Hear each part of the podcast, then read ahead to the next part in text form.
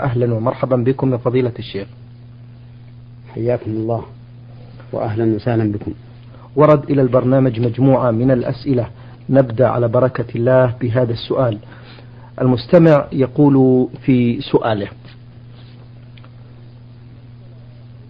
من طلع عليه الفجر وهو جنب في رمضان ما الحكم الشرعي في ذلك؟ الحمد لله رب العالمين. والصلاة والسلام على نبينا محمد وعلى آله وأصحابه أجمعين. جواب السؤال أنه إذا طلع الفجر على الصائم وهو جنب فإن صومه صحيح ولا شيء عليه. ودليل ذلك من كتاب الله وسنة رسوله صلى الله عليه وسلم. أما من كتاب الله فقد قال الله تعالى فالآن باشروهن وابتغوا ما كتب الله لكم وكلوا واشربوا حتى يتبين لكم الخيط الأبيض من الخيط الأسود من الفجر. فأحل الله الجماع في الليل إلى أن يتبين الفجر. وهذا يستلزم أن لا يغتسل إلا بعد طلوع الفجر لأنه إذا كان الفعل مباحا له حتى يتبين الفجر فإنه سيبقى إلى آخر لحظة من الليل وسيكون اغتساله بعد طلوع الفجر.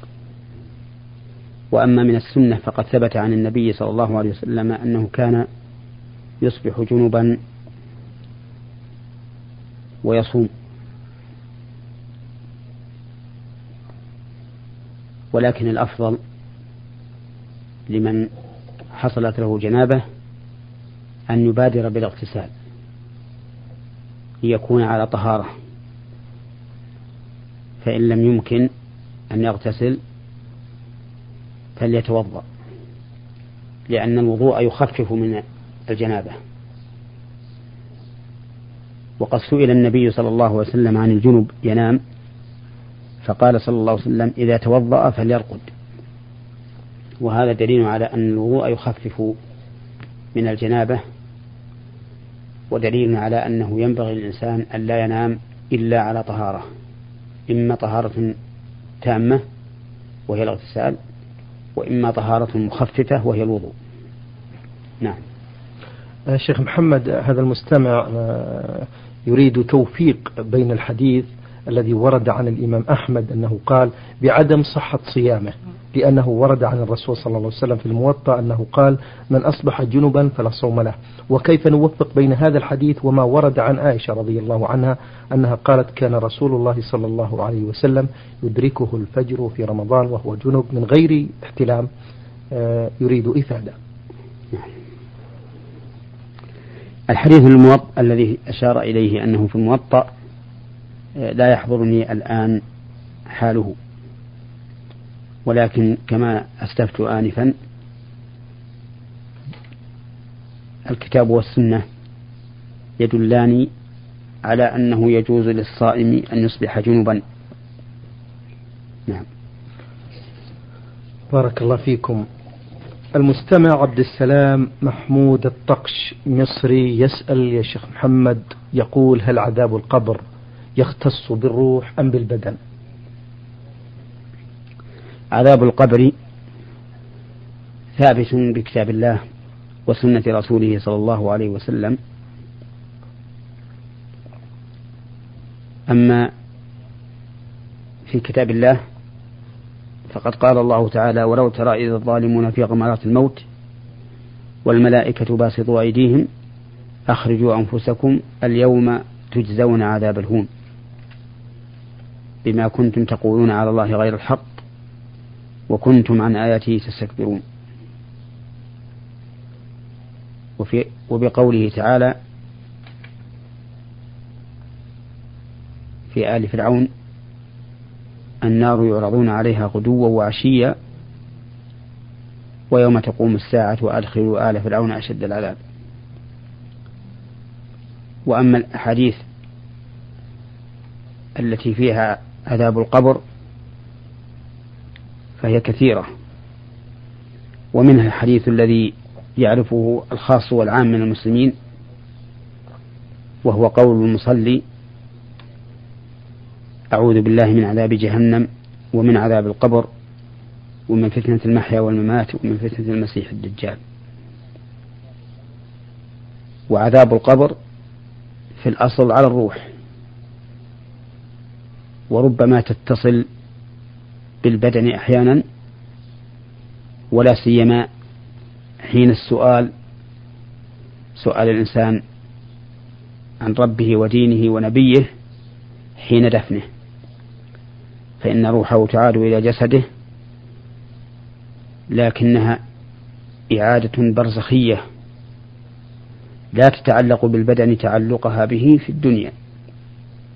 ويسأل الميت عن ربه ودينه ونبيه فإذا كان كافرا أو منافقا قال ها ها لا أدري.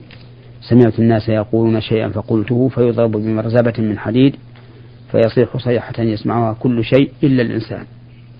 ولو سمعها الإنسان لصعق نعم. هذا المستمع جمال عبده مدرس يمني يقول آه إذا سبق المأموم إمامه آه في الصلاة فما الحكم في ذلك؟ إذا سبق المأموم إمامه في الصلاة فإن كان سبقه إياه بتكبيرة الإحرام فصلاة المأموم غير منعقدة وعليه أن يعيد الصلاة.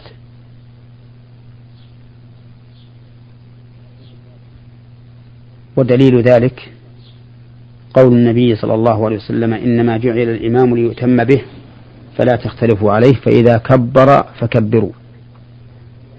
فقال عليه الصلاة والسلام إذا كبر فكبروا. فأمر بالتكبير بعد تكبيرة الإمام فإذا كبر المأموم تكبيرة الإحرام قبل إمامه فقد فعل فعلا ليس عليه أمر الله ورسوله. وقد ثبت عن النبي صلى الله عليه وسلم أنه قال من عمل عملا ليس عليه أمرنا فهو رد. وإن سبق المأموم إمامه بغير تكبيرة الإحرام مثل أن سبقه في الركوع. فإن سبقه إلى الركوع بأن ركع قبل إمامه قلنا له يلزمك أن ترجع فتركع بعد إمامك. أي بعد أن يركع. فإن لم يفعل ولم يرجع فإن كان لا يعلم أن السبق إلى الركن حرام فصلاته صحيحة. وإن كان يعلم أن السبق إلى الركن حرام فقد اختلف العلماء في صحة صلاته. فمنهم من قال إنها لا تصح وهو القول الصحيح لأنه ارتكب أمرا محرما في صلاته فبطلت كسائر المحرمات التي يرتكبها الإنسان في عبادته. بل كسائر المحرمات في العبادة إذا ارتكبها الإنسان.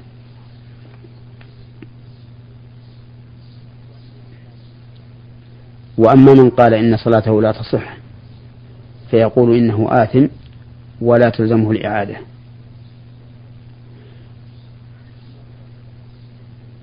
أما إذا سبقه بالركن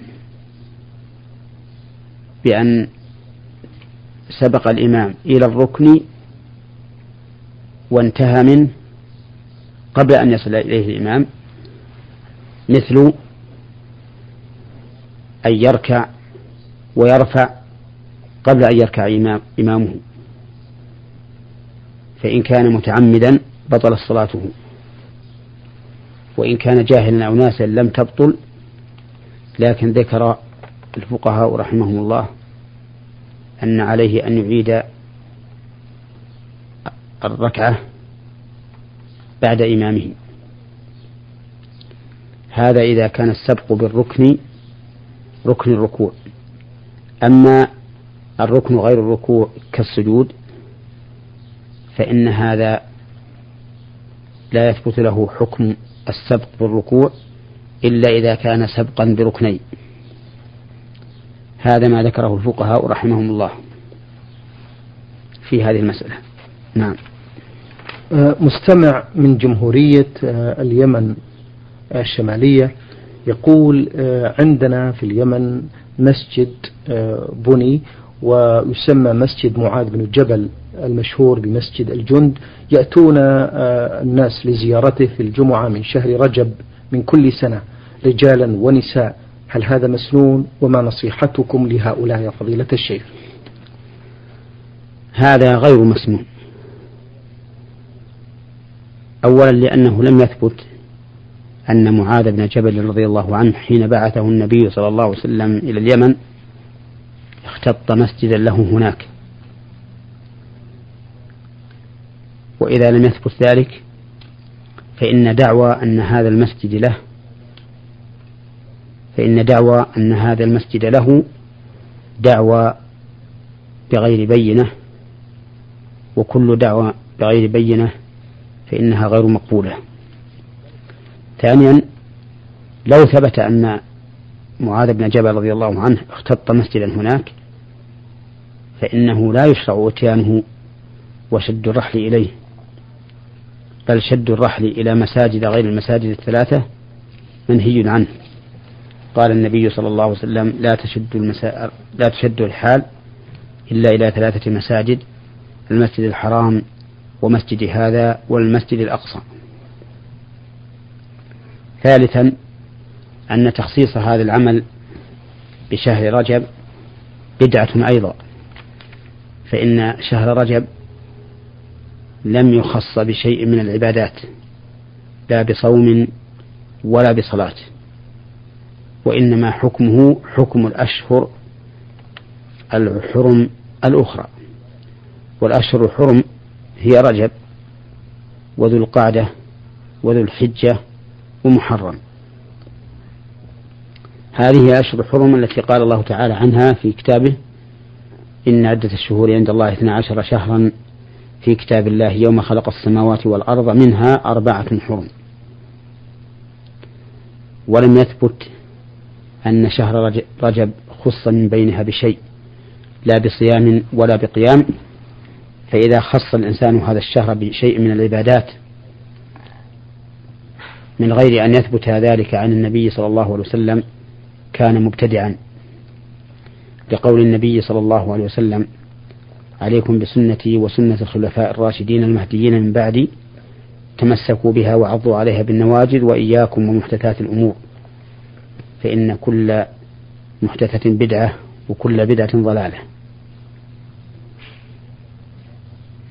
فنصيحتي لأخوتي هؤلاء الذين يقومون بهذا العمل بالحضور إلى المسجد الذي يزعم أنه مسجد معاذ في اليمن ألا يتعبوا أنفسهم ويتلفوا أموالهم ويضيعوها في هذا الأمر الذي لا يزيدهم من الله إلا بعدا. ونصيحتي لهم أن يصرفوا هممهم إلى ما ثبت أو إلى ما ثبتت مشروعيته في كتاب الله أو سنة رسوله صلى الله عليه وسلم وهذا كاف للمؤمن. نعم. أثابكم الله شيخ محمد المستمع رمز لاسمه سين ميم ألف من الرياض له مجموعة من الأسئلة عن رمضان. يقول هل هناك أدعية مأثورة عن المصطفى صلى الله عليه وسلم عند الإفطار وعند السحور؟ نعم. أما عند الإفطار فإنه قد أثر عن النبي صلى الله عليه وسلم قوله اللهم لك صمت وعلى رزقك أفطرت. وكان ابن عمر رضي الله عنهما يقول عند فطره اللهم يا واسع المغفرة اغفر لي. والدعاء عند الفطر حري بالإجابة كما جاء به النبي صلى الله عليه وسلم. والدعاء بالفطر حري بالإجابة كما جاء عن النبي صلى الله عليه وسلم أن للصائم عند فطره دعوة لا ترد. فينبغي أن يستغل الإنسان زمن الفطر بالدعاء بما ورد إن, علم إن علمه أو بغيره إن لم يعلم.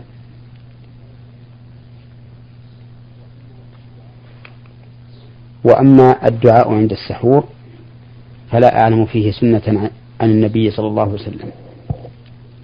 ولكن الإنسان يدعو عند أكله وشربه في كل وقت بما جاءت به السنة. فيسمي الله تعالى في أوله ويحمد الله تعالى في آخره. فإن الله يرضى عن العبد يأكل الأكل فيحمده عليها ويشرب الشربة فيحمده عليها. المستمعة آه، حصة آه، ألف من الرياض تقول هل وردت أحاديث تدل على أن العمرة في رمضان تعدل حجة؟ أو أن فضلها كسائر الشهور. نعم ثبت في صحيح مسلم عن النبي صلى الله عليه وسلم أنه قال عمرة في رمضان تعدل حجة. فالعمرة في رمضان تعدل الحجة كما جاء به الحديث. ولكن ليس معنى ذلك أنها تجزئ عن الحجة بحيث لو حج لو اعتمر الإنسان في رمضان وهو لم يؤدي فريضة الحج سقطت عنه الفريضة. لأنه لازم من معاملة الش... من معادلة لأنه لا يلزم من معادلة معادلة الشيء للشيء أن يكون مجزئا عنه. فهذه سورة قل هو الله أحد تعدل ثلث القرآن ولكنها لا تجزئ عنه. فلو أن أحدا في صلاته كرر سورة الإخلاص ثلاث مرات لم يكفه ذلك عن قراءة الفاتحة. وهذا قول الإنسان لا إله إلا الله وحده لا شريك له له الملك وله الحمد وهو على كل شيء قدير عشر مرات يكون كمن أعتق أربعة أنفس من ولد إسماعيل. ومع ذلك لو قالها الإنسان وعليه عتق رقبة لم تجزي عنه لم تجزيه عنها.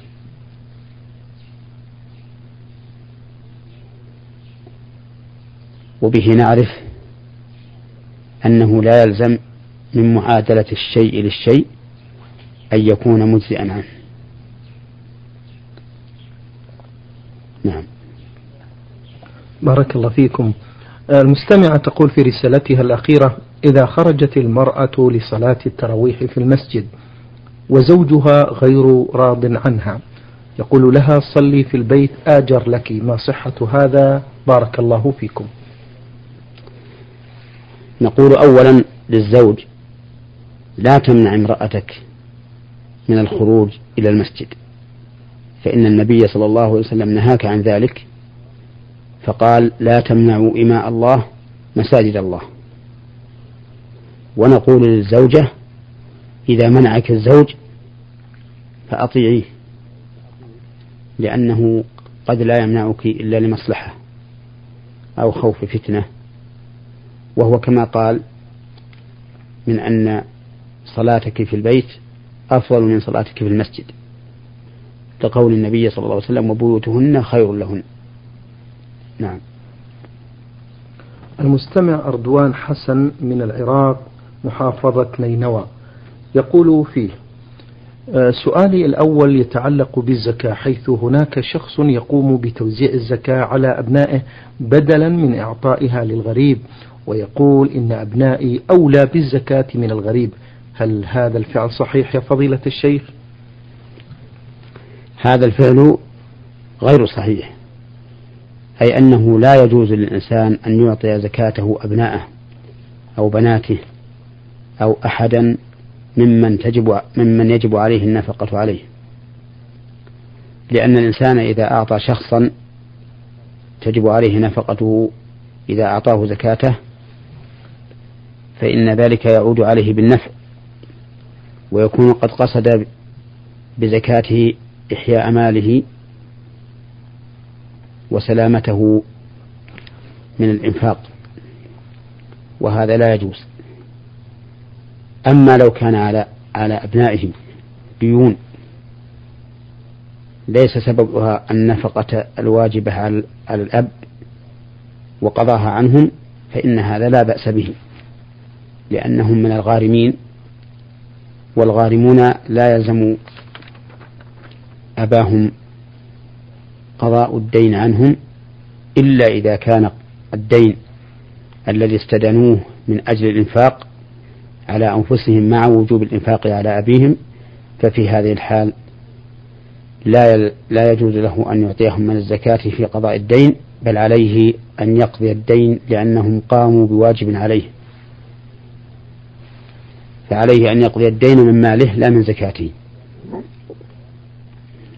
وخلاصة الجواب أن نقول إن دفع الزكاة إلى الأبناء أو البنات لا يجوز ولا يجزئ لأن ذلك يؤدي إلى توفير ماله من الإنفاق. إلا إذا كان الأبناء أو البنات عليهم ديون لا يستطيعون وفاءها. وهذه الديون لم تلزمهم بسبب نفقة واجبة على أبيهم فلأبيهم في هذه الحال أن يقضي ديونهم من زكاتهم. نعم. آه المستمع عبد الله عبد الرحمن آه عبد الحق آه من مصر يسأل فضيلة الشيخ ويقول تزوجت بامرأة مسلمة. تصوم لكنها لم تتعلم الصلاة. وبعد الزواج علمتها الوضوء والصلاة وأصبحت تصلي ومضى على الزواج 23 سنة. فهل عدم آه، صلاتها قبل الزواج يضر بالعلاقة الزوجية وعقد الزواج؟ أفيدونا مأجورين. إيه، إن عدم زكاة أن عدم صلاتها يظهر لي من السؤال أنه كان عن جهل وليس عن تهاون وتكاسل ومثل هذه لا يحكم بكفرها فيكون عقد النكاح صحيحا لا شبهة فيه ويدل لكون المرأة لم تدع الصلاة تكاسلا وتهاونا أنها لما علمها زوجها بها قامت تصلي على الوجه الذي علمها زوجها. وعليه فإن نكاحك صحيح لا شبهة فيه وعلاقتك الزوجية معها علاقة صحيحة. نعم. آه، المستمع عبد الله يا شيخ محمد يقول من هم المحارم للمرأة؟ نعم. المحارم للمرأة هو زوجها وكل رجل تحرم عليه على التأبيد بنسب أو سبب مباح.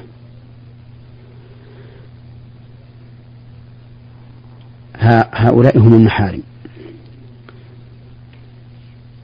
فأما من تحرم عليه تحريما غير مؤبد فليست فليس بمحرم لها مثل أخت الزوجة وعمتها وخالتها. فإن أخت الزوجة وعمتها وخالتها يحرمن على الرجل ما دامت الزوجة في عصمته. فالتحريم غير مؤبد فلا يكن محارم له. وعلى هذا فلا يجوز للإنسان أن ينظر إلى أخت زوجته ولا إلى عمة زوجته. ولا إلى خالة زوجته لأنهن من غير المحارم.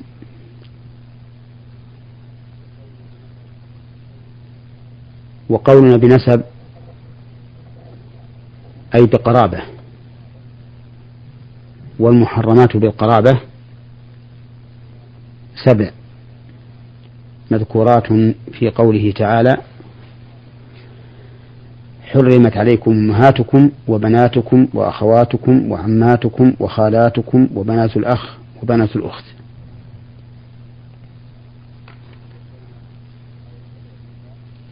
وقولنا أو سبب مباح يدخل فيه المحرمات بالرضاعة والمحرمات بالمصاهرة. فالمحرمات بالرضاعة كالمحرمات بالنسب سواء بسواء. لقوله تعالى وأمهاتكم اللاتي أرضعنكم وأخواتكم من الرضاعة. وقول النبي صلى الله عليه وسلم يحرم من الرضاع ما يحرم من نسب. فيحرم على الرجل أمه من الرضاع وبنته من الرضاع وأخته من الرضاع وعمته من الرضاع وخالته من الرضاع وبنت أخيه من الرضاع. وبنت أخته من الرضاع سبع. كما يحرم عليه بالنسب سبع لقوله عليه الصلاة والسلام يحرم من الرضاع ما يحرم من النسب. وأما المحرمات بالمصاهرة فإنهن أربع. أم الزوجة وبنتها وزوجة الإبن وزوجة الأب. فأما زوجة الأب وزوجة الإبن وأم الزوجة فيكن محارم بمجرد العقد. وأما بنات الزوجة فلا يكن محارم إلا بعد الدخول بالزوجة أي بعد وطئها. وبناء على ذلك فلو أن رجلا تزوج امرأة ثم طلقها قبل أن يجامعها وكان لها بنت من غيره فله أن يتزوج هذه البنت بعد أن تنتهي عدة أمها التي طلقها. ولو كان لهذه الزوجة أم لم يحل له أن يتزوج أمها بل هي من محارمه لأن أم الزوجة لا لا يثبت لأن أم الزوجة لا يشترط لكونها مح لكونها محرمة أن يدخل بالزوجة بخلاف بنت الزوجة. نعم. أثابكم الله شيخ محمد. آه المستمع له سؤال أخير يقول هل عقد النكاح من الكتابية صحيح أم باطل؟ عقد النكاح من الكتابية صحيح. إذا تمت شروطه. لأن الله تعالى أباح لنا تزوج الكتابيات. قال الله تعالى اليوم أحل لكم الطيبات وطعام الذين أوتوا الكتاب حل لكم وطعامكم حل لهم والمحصنات من المؤمنات والمحصنات من الذين أوتوا الكتاب من قبلكم إذا آتيتموهن أجورهن محصنين غير مسافحين ولا متخذي أخدان. والكتابية هي التي تدين بدين اليهودية أو بدين النصرانية. نعم.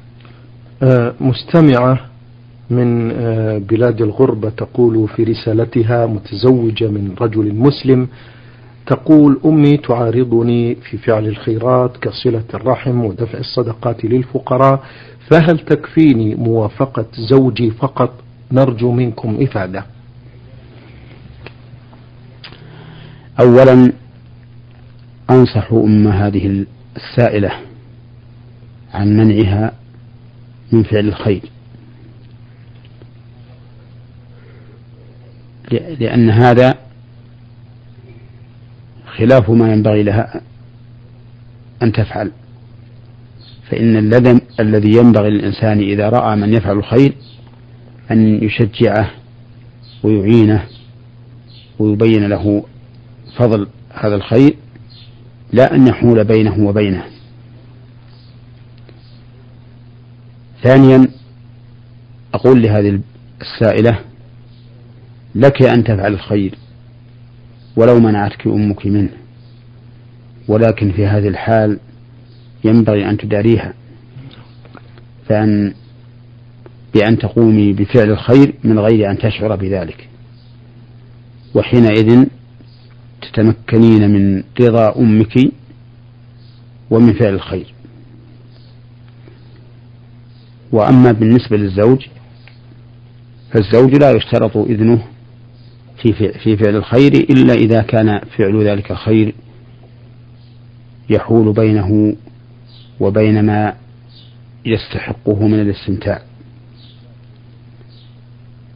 وأما إذا كان لا يحول بينه وبين ما يستحقه من الاستمتاع فليس له إليك سبيل في ذلك. بارك الله فيكم يا فضيلة الشيخ وعظم الله مثوبتكم على ما قدمتم. شكرا لكم أنتم أيها الإخوة والأخوات على حسن المتابعة. إلى الملتقى سلام الله عليكم ورحمته وبركاته.